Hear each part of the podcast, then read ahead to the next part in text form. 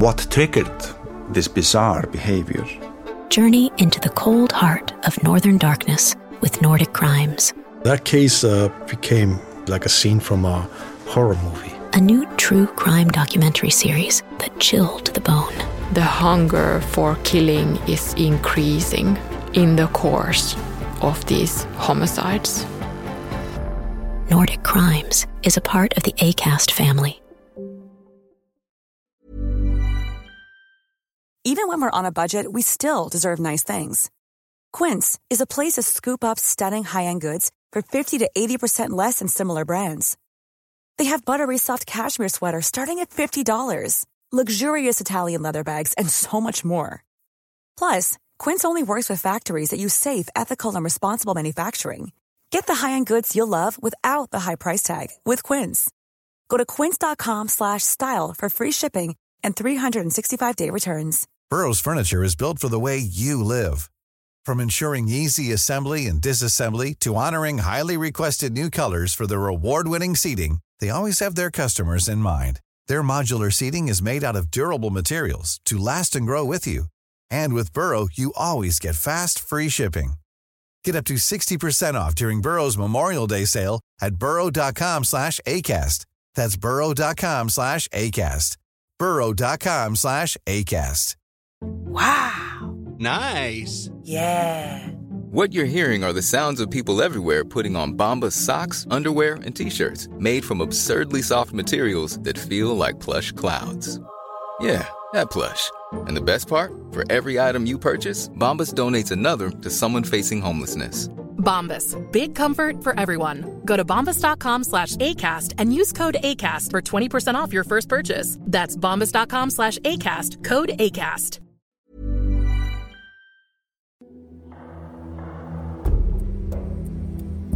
Vi kan nu se att det har raderats sms i din mobil.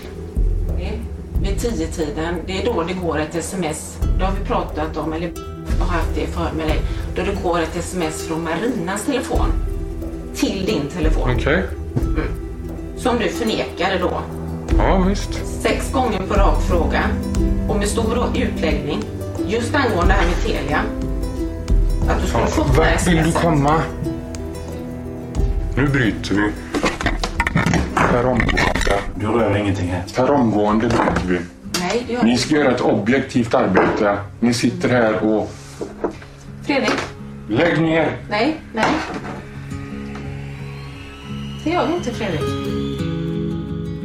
Sommaren 2010 anmäls den 31-åriga Marina Johansson försvunnen. Trots omfattande sökinsatser hittas hon inte. Men polisen har en person som är starkt misstänkt för att ligga bakom försvinnandet. Marinas expojkvän, Fredrik Svensson. Men det ska ta nästan fyra år, tre rättegångar och ett unikt beslut av Högsta domstolen innan rättvisa skipas. Början av slutet på historien är när Missing People hittar en kvinnokropp invirad i en presenning med skottskador i huvudet. Du lyssnar på Svenska Brott. Den här podcasten fokuserar på brottmål och kan därför innehålla beskrivningar av våld och andra potentiellt stötande ämnen.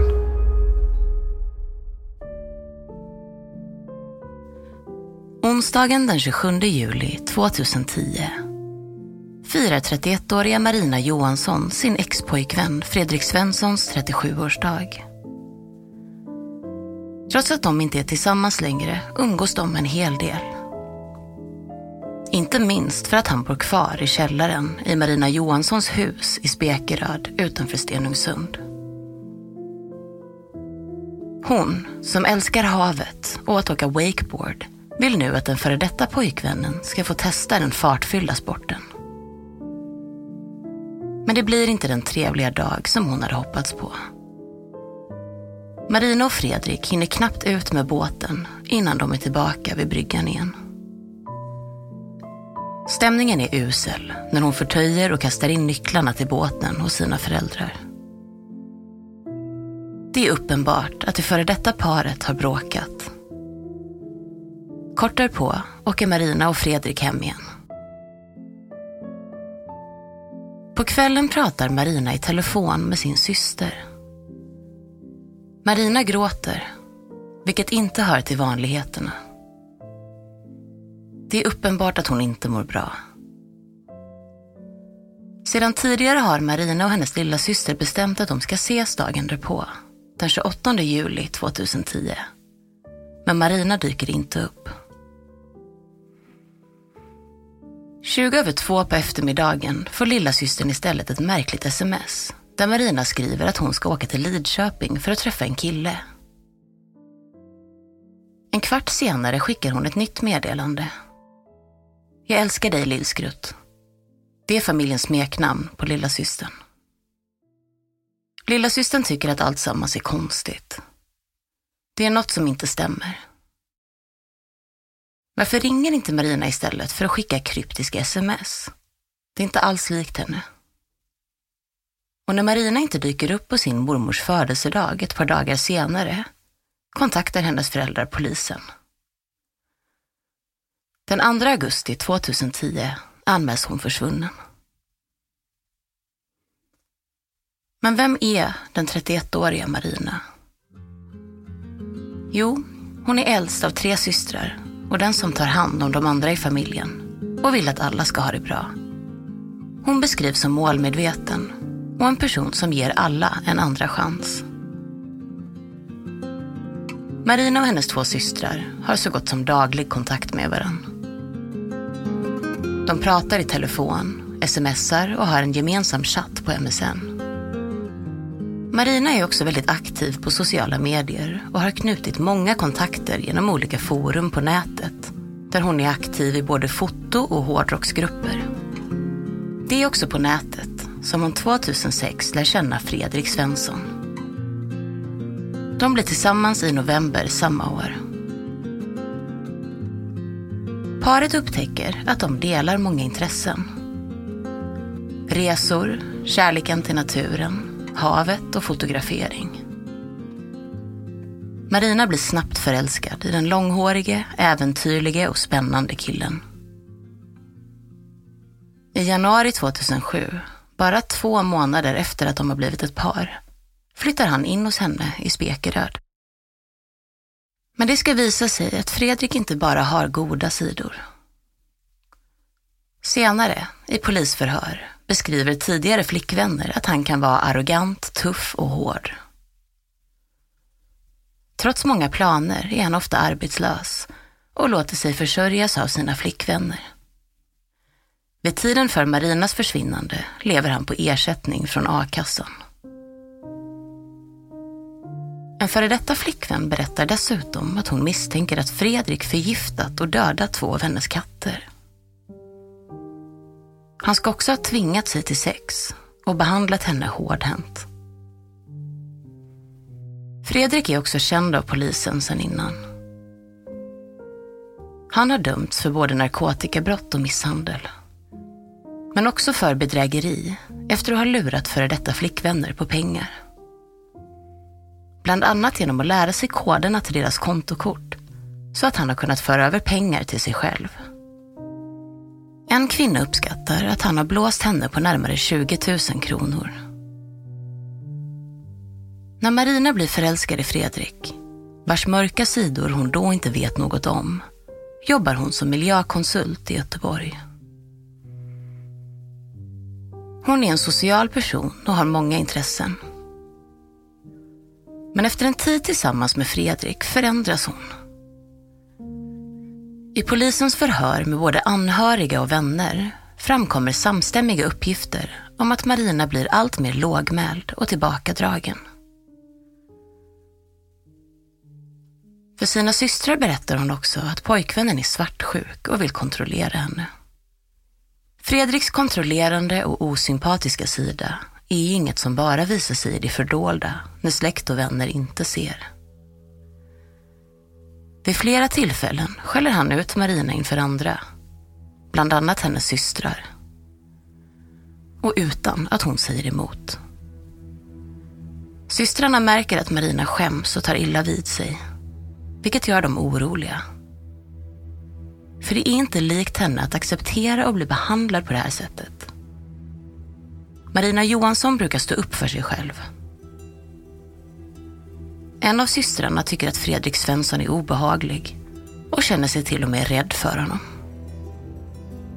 Till sist får Marina nog och under hösten 2009 tar förhållandet med Fredrik slut. De fortsätter dock att ha en sexuell relation.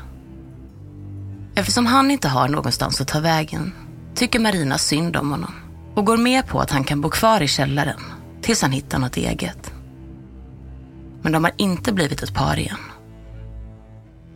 Marina refererar inte till Fredrik som sin pojkvän utan sin inneboende. Allt det här gör att Marinas familj 2010 misstänker att Fredrik Svensson har med hennes försvinnande att göra. Polisen tar också situationen på stort allvar. Dagen efter polisanmälan möter två uniformerade poliser upp Marinas mamma och lilla syster utanför huset i Spekeröd. Den polis som pratar med Fredrik tycker att han uppträder konstigt. Han verkar inte det minsta orolig över att Marina är borta. När huset söks igenom reagerar familjen också på att hennes sovrum är städat och sängen prydligt bäddad. Vilket inte alls är likt Marina. En stor och omfattande sökinsats inleds.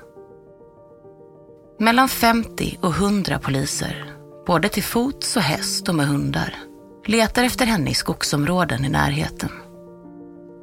Dykare söker i närbelägna sjöar och en helikopter från luften. Området är dock svårt att genomsöka eftersom det består av tät skog, sly, kärnar och mossmarker. Trots många timmars slit ger insatserna inget resultat. Marina Johansson är fortfarande spårlöst försvunnen. Släkt, familj och vänner är utom sig av oro. Försvinnandet blir också en stor nyhet i medierna. Men det finns en person som sticker ut. En person som har stått Marina Johansson nära. Men varken verkar orolig eller deltar i sökandet. Och det är expojkvännen Fredrik Svensson. Samtidigt som sökandet bland kärnar och mossmarker fortsätter jobbar polisen vidare på annat håll.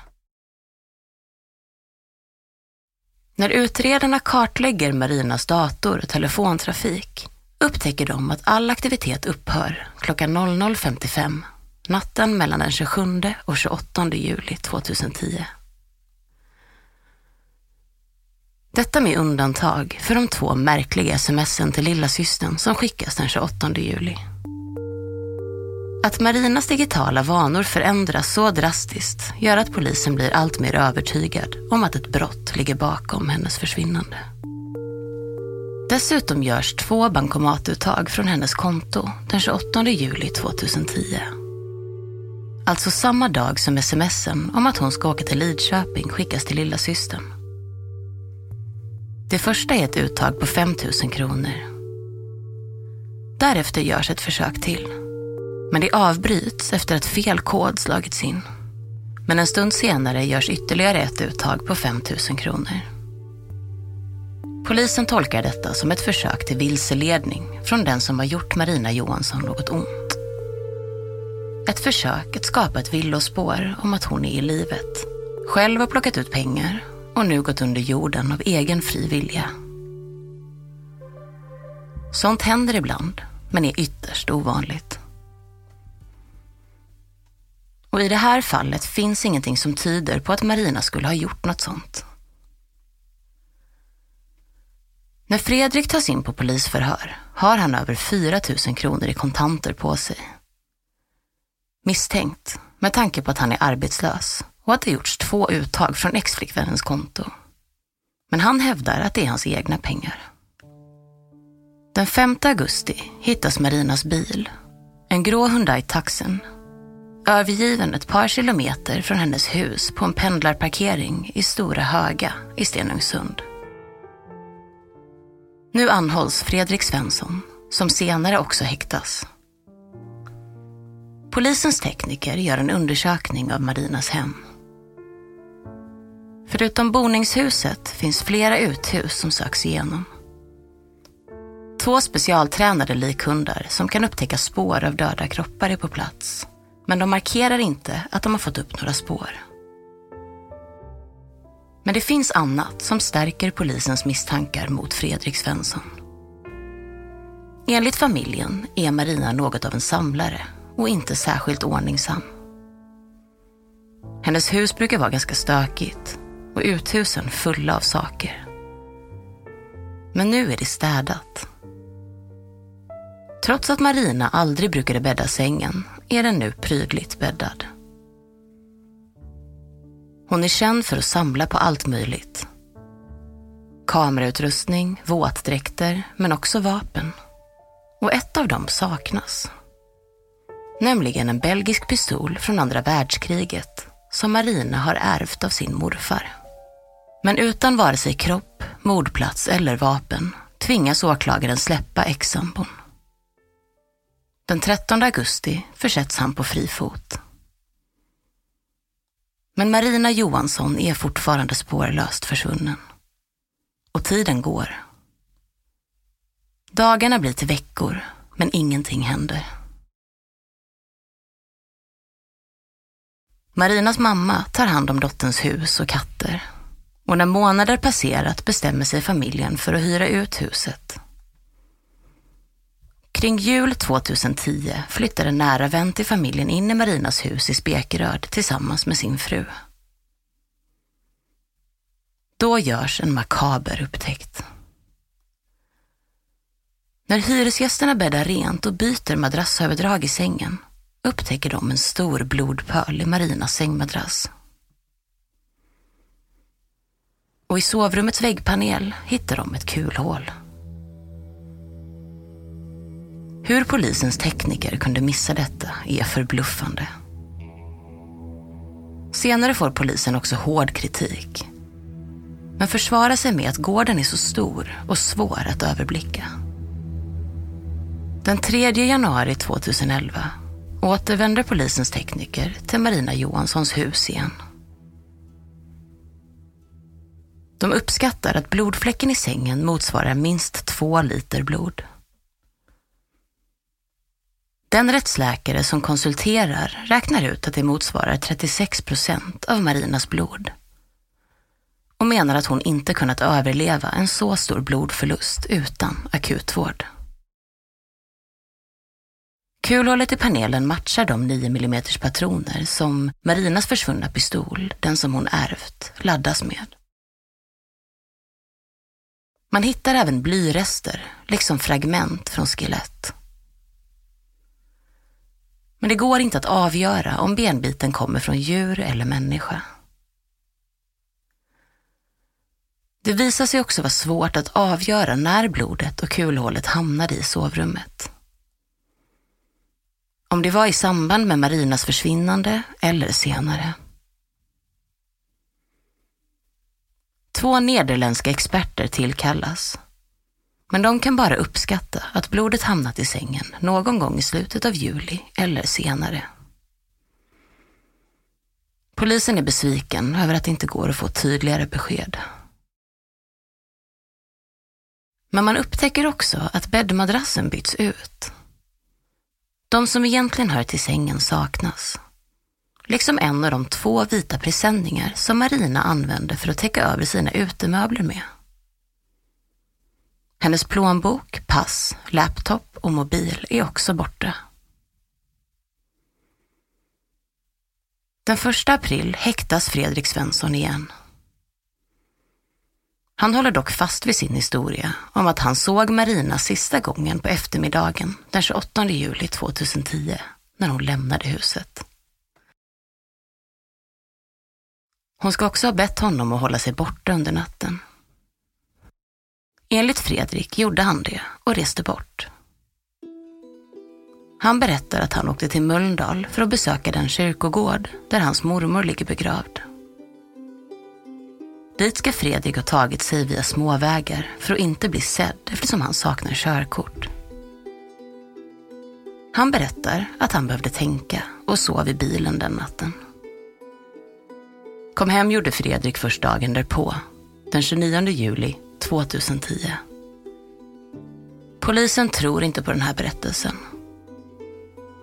De misstänker istället att Marina har skjutits i huvudet i sin säng natten mellan den 27 och 28 juli 2010 och att det är Fredrik Svensson som är mördaren. Åtal väcks sommaren 2011 och i augusti samma år inleds rättegången i Uddevalla tingsrätt.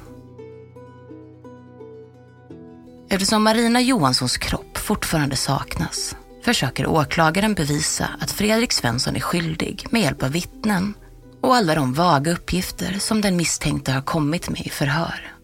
Liksom hans märkliga uppträdande efter Marinas försvinnande. I tingsrätten berättar åklagaren om parets relation och ett möjligt motiv till mordet. Då gick de ner till båten och så ser jag hur de kör iväg Mm. med båten. Ja. Och sen så gick det väl en dryg, lite över en timme någonting. Jag tänkte, är de redan tillbaka? Jag fick se dem komma tillbaka körande. Tittade in genom fönstret och eh, så eh, efter en stund då så hör jag bara hur hon tar i dörren och kastar in nyckeln och springer iväg. Säger ingenting till mig. Nej. Nej. Så jag fick inte prata med henne, jag kunde inte fråga vad som hade hänt. Utan jag springer till dörren och får se henne sitta i bilen och backar. Full fart. Det är hon som kör. Hon kör. Vilken bil var det? Det var Tucson Hyundai. Ja. Ja. ja. Och då sitter Fredrik bredvid och ser uttråkad ut. Det här var tråkigt.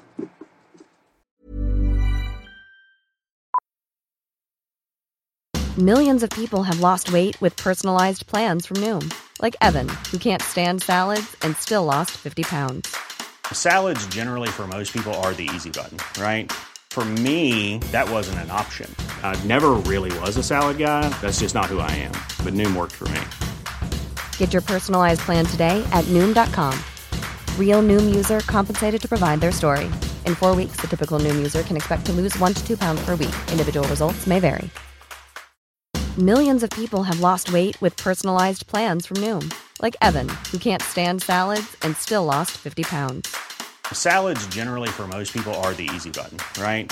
For me, that wasn't an option. I never really was a salad guy. That's just not who I am. But Noom worked for me. Get your personalized plan today at Noom.com. Real Noom user compensated to provide their story. In four weeks, the typical Noom user can expect to lose one to two pounds per week. Individual results may vary. If you thought the only way to get a more defined jawline with natural looking results was through surgery, think again. Juvederm Volux XC is a non surgical injectable gel filler that improves moderate to severe loss of jawline definition and can help you achieve natural looking results with little downtime. Even better, this improved definition lasts up to one year with optimal treatment. No maintenance required. Improve jawline definition for a smooth, sculpted look with Juvederm Volux XC. For important safety information and to find a licensed specialist, visit juvederm.com. That's J U V E D E R M.com. Not for people with severe allergic reactions, allergies to lidocaine, or the proteins used in Juvederm. Common side effects include injection site redness, swelling, pain, tenderness, firmness, lumps, bumps, bruising, discoloration, or itching. There's a risk of unintentional injection into a blood vessel, which can cause vision abnormalities, blindness, stroke, temporary scabs, or scarring. Talk to a licensed specialist to find out if it's right for you. Fredrik Svenssons advokat tecknar en annan bild. Herr ordförande. Tänkte jag skulle försöka slå upp några vidöppna dörrar här lite grann och börja med att konstatera att det här har ju varit ett riktigt ovanligt mål på flera sätt. Och under den här utredningens gång och även under förhandlingen så poppar upp massor med frågeställningar. Man möter personer som får olika uppfattningar om saker och ting. Och därför så tror jag att det faller på sin rätt att kanske påminna sig om vad den här brottmålsförhandlingen egentligen är till för. Varför vi sitter här vad det är för syfte. Vad är det för frågor vi har att besvara? För det finns ju nämligen en väldigt bestämd ram för den här förhandlingen. Och det är att pröva åklagarens åtal och det händelseförlopp som åklagaren påstår. Något annat ska inte ske här. Det är inte försvararens roll att sitta och tala om vad som har hänt. Även om jag nu har lyssnat på åklagare Kvarnström och jag tycker att han på ett förtjänstfullt sätt redogjort för ett händelseförlopp som han tror kan ha hänt. Men det här händelseförloppet det byggs på en rad olika antaganden. Det är antaganden om blodmängder, om madrasser, om skjutningar och vapen. Och det är uppgifter som inte helt bekräftas av den utredning som är presenterad i målet.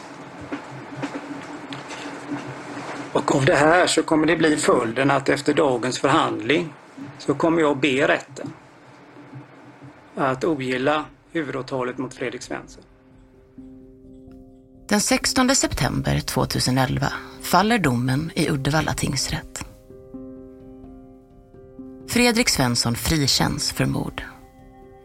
Han fälls dock för narkotikabrott. En stor anledning till att han frikänns för mord är att kroppen inte har återfunnits. I domen står att det inte är ställt utom rimligt tvivel att Fredrik Svensson dödat Marina.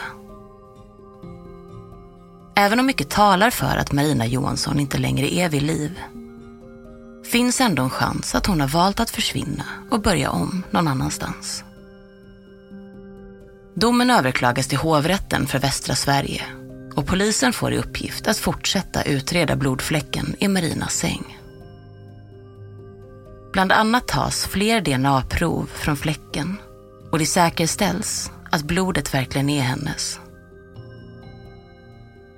I hovrätten håller Fredrik Svensson fast vid att han är oskyldig. Och den 15 december 2011 blir det en friande dom även där. Här hade historien om Marina Johansson kunnat ta slut. Om det inte vore för Missing People. Den ideella organisationen som söker efter försvunna personer. 2012 är Missing People i sin linda och letar efter ett första fall att arbeta med. Grundaren Peder Schillerström intresserar sig för fallet med den försvunna Marina Johansson och säger i en intervju. Här fanns en möjlighet att hjälpa de anhöriga och leta upp deras dotter så att familjen kan få ett avslut. Men också en möjlighet för polisen att lösa det här brottet. Missing People hämtar in uppgifter från polisen för att ta reda på vilka områden som är genomsökta och läser på om fallet. Sen börjar man förbereda sig. De tänker sig att gärningsmannen har flyttat kroppen med bil, men inte så långt. I samråd med lokala jaktlag ringer man in några tänkbara skogsvägar som man vill titta närmare på. Den 14 april 2012 ger sig en grupp på 120 frivilliga från Missing People ut för att söka igenom skogsområden i Svartedalens naturreservat som ligger i närheten av Marina Johanssons hus. Efter bara några timmar ringer en patrull och berättar att de har hittat rester av både ben och kvinnokläder. Men det visar sig vara ett falsklarm. Benen kommer från ett djur och kläderna är inte Marina Johanssons. Men så, efter ytterligare någon timma, ringer en annan patrull. De har hittat kvarlevor av en människa. Inlindade i blodiga sängkläder. Bäddmadrasser och förpackade i en vit presenning. Kroppen obduceras och den 18 april 2012 kommer svaret efter en kontroll av tandkort. Det är Marina Johansson som Missing People har hittat. Marina Johanssons familj får sina värsta farhågor bekräftade. Men de har nu en kropp att begrava. Hon har hela tiden funnits i skogen. Bara några kilometer från sitt hem. Polis och åklagare menar att Fredrik Svensson den 28 juli 2010 har skjutit Marina Johansson i huvudet med en pistol när hon legat i sängen. Han ska sen ha rullat in kroppen i sängkläder och en presenning. Och därefter dumpat den i skogsområdet där hon senare hittades av Missing People. Men går det nu att få expojkvännen dömd för mordet? Utsikterna är dåliga det är mycket ovanligt att man beviljas resning i fall där någon redan har blivit friad i både tings och hovrätt. Men nu händer något mycket ovanligt. Högsta domstolen gör en unik bedömning. Den 1 november 2013 beviljas resning och målet skickas tillbaka till hovrätten tack vare att ny bevisning har tillkommit. Till Expressen säger överåklagare Björn Eriksson att de faktum att expojkvännerna ansträngt sig för att dölja alla spår efter mordet i bostaden och att han har försökt ge sken av att Marina Johansson rest bort talar för att han är skyldig. Polisen har också, efter att tekniken gått framåt, lyckats återskapa raderade sms som Fredrik Svensson frågas ut om i ett digitalt förhör i december 2013. Vi kan nu se att det har raderats sms i din mobil. Okay. Förut var inkorgen så att säga tom. Nu med ny teknik se att det har raderats sms. Okay. Och att det har raderats sms den 29 juli.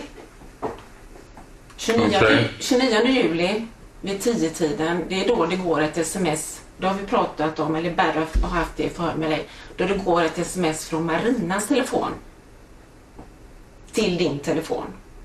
Som du har det är förnekat att du har fått. Det är möjligt att ni har sagt. Mm. Men eh, du kommer ihåg att jag, du har förhört om detta? Ja, datum och tider och så. Det... Kommer du ihåg att du har förhört om ett sms? Ja, jo, jag vet att jag sagt något om något sms, ja. Mm.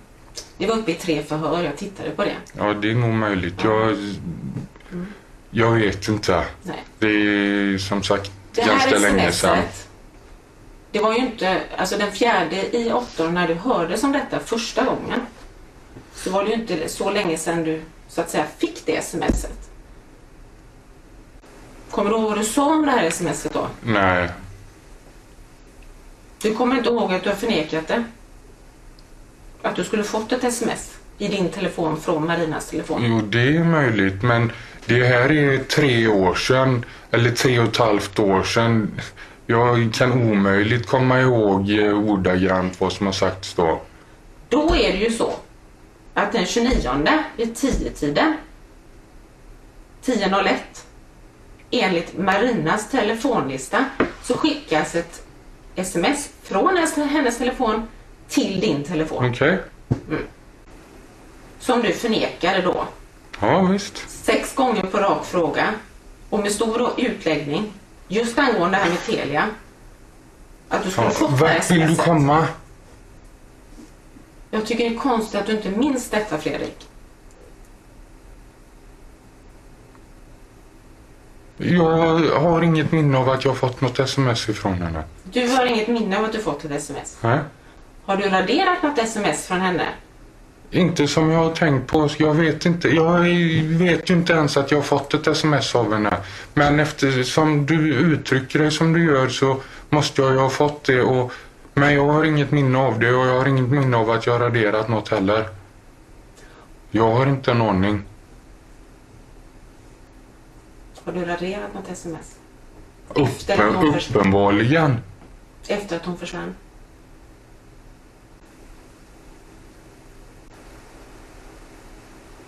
Uppenbarligen säger jag ju.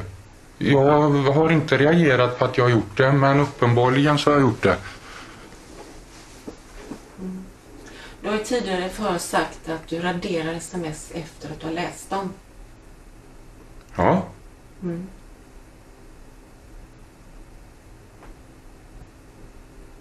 Då bör du ju komma ihåg vad det står i det här smset. Mm, Nej. Du tyckte om Marina. Ja. Mm. Du har till och med sagt att du avgudar henne. Ja. Men jag tror också att Marina kanske hade gjort dig besviken. Nej, det vet jag inte.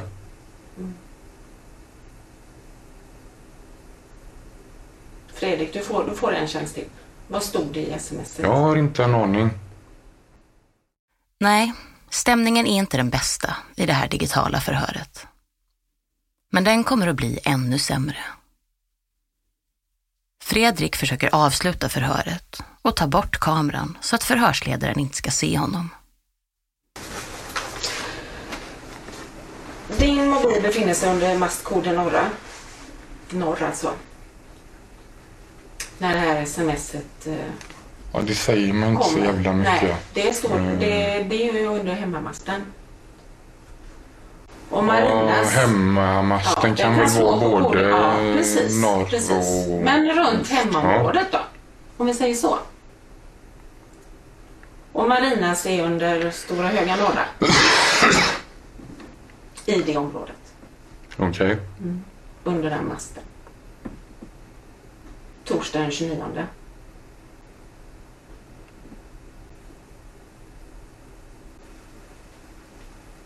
Och din telefon mottar ett sms från hennes telefon. Där det står jag blir kvar tills imorgon. Okej. Mm. Vad du säga om det? Ingenting. Jag eh, kan inte påminna mig att jag har läst det överhuvudtaget. Men jag vill att du förklarar det. Det kan jag inte. För Marina är ju redan död då. Det här är den 29. Inte en aning.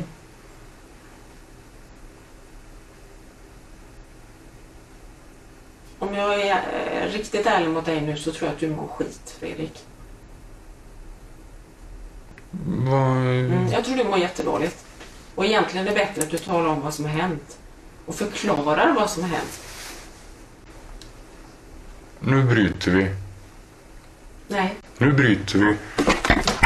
Per om... Du rör ingenting här. Per omgående bryter vi. nej det gör Ni ska göra ett objektivt arbete. Ni sitter här och... Fredrik, Lägg ner! nej, nej. Det gör vi inte, Fredrik. Vi ska prata om det här. Då ska du sitta där och vara objektiv, annars så bryter vi per omgående. Jag vill att du förklarar smset. Jag kan inte förklara någonting jag inte känner till. Mycket enkelt.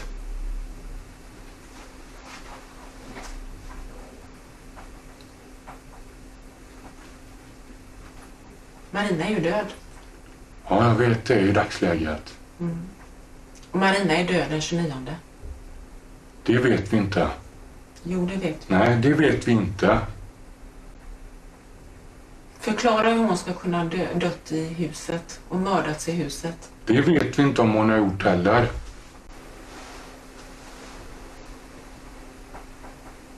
Du har sagt att du är hemma i stort sett hela tiden.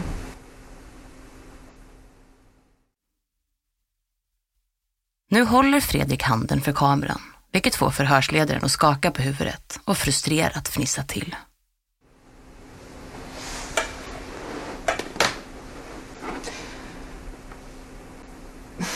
Vad vinner du på det? Vad vinner du på att sitta och inte vara objektiv? Men jag säger bara, Marina är död. Och du I ska förklara dagsläget vet vi. smset. Ja. Jag kan inte förklara någonting jag inte känner till. Något som jag inte har reagerat på överhuvudtaget. När den andra polisen som finns med vid förhöret börjar ställa frågor blir Fredrik ännu argare. Jag sa för några minuter sedan att bilen har varit i området två, tre gånger. Nu sitter du och säger att den har varit att det är enda gången. Nu byter vi. Lögner går jag inte med på någon mer gång. Du har ljugit så jävla många gånger i förhör va? Så jag går inte med på några mer lögner i förhör nu. Uppe vid huset, Fredrik. Den har varit en gång uppe vid huset. Och då står båda bilarna hemma. Jaha, och? Jag vill bara informera om det och då påstår vi att du är hemma och tar registreringsnumret. Ja, du kan påstå vad fan du vill, men det har jag inte gjort. Om inte jag minns fel så eh, har vi förhör tillsammans du och jag. Eller du har sagt till mig att hon, det borde ha hänt under den natten du var på kyrkogården. Nej, det har jag inte sagt. Nu ljuger du ju som vanligt. Nu bryter vi. Jag vet att Nu det räcker det. Fredrik. Det är inte svårt. Jag vägrar sitta med en snutjävel som ljuger. Så enkelt är det. Okej. Du har ljugit i varje förhör som du blev inblandad i det här. Och du har gjort det medvetet. Du har suttit och hotat mig. Med mera. Det räcker Fredrik. Vadå räcker? Är det svårt att höra sanningen om din kollega? Mm. En fråga till. Du vidhåller fortfarande att du inte har gjort någonting med det här att göra? Jag är oskyldig. Du är oskyldig. Ja, Fredrik Svensson vidhåller att han inte har mördat Marina Johansson. Men hans förnekande räcker inte. När målet tas om i hovrätten för västra Sverige är bevisningen mycket bättre än förra gången. Och den 14 mars 2014 meddelas domen. Fredrik Svensson döms till 16 års fängelse för mordet på Marina Johansson. Han avtjänar idag sitt straff. Du har lyssnat på Svenska Brott. Dagens avsnitt är skrivet av Andreas Utterström. Mitt namn är Tove Wahlne. Exekutiv producent är Nils Bergman. Tack för att ni har lyssnat.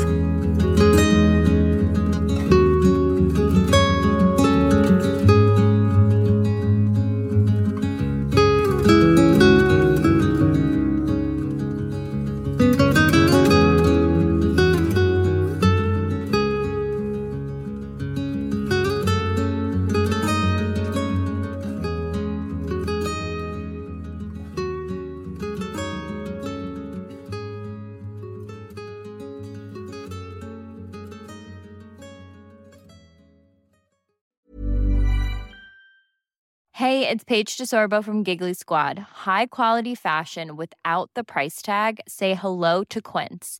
I'm snagging high-end essentials like cozy cashmere sweaters, sleek leather jackets, fine jewelry, and so much more. With Quince being 50 to 80% less than similar brands.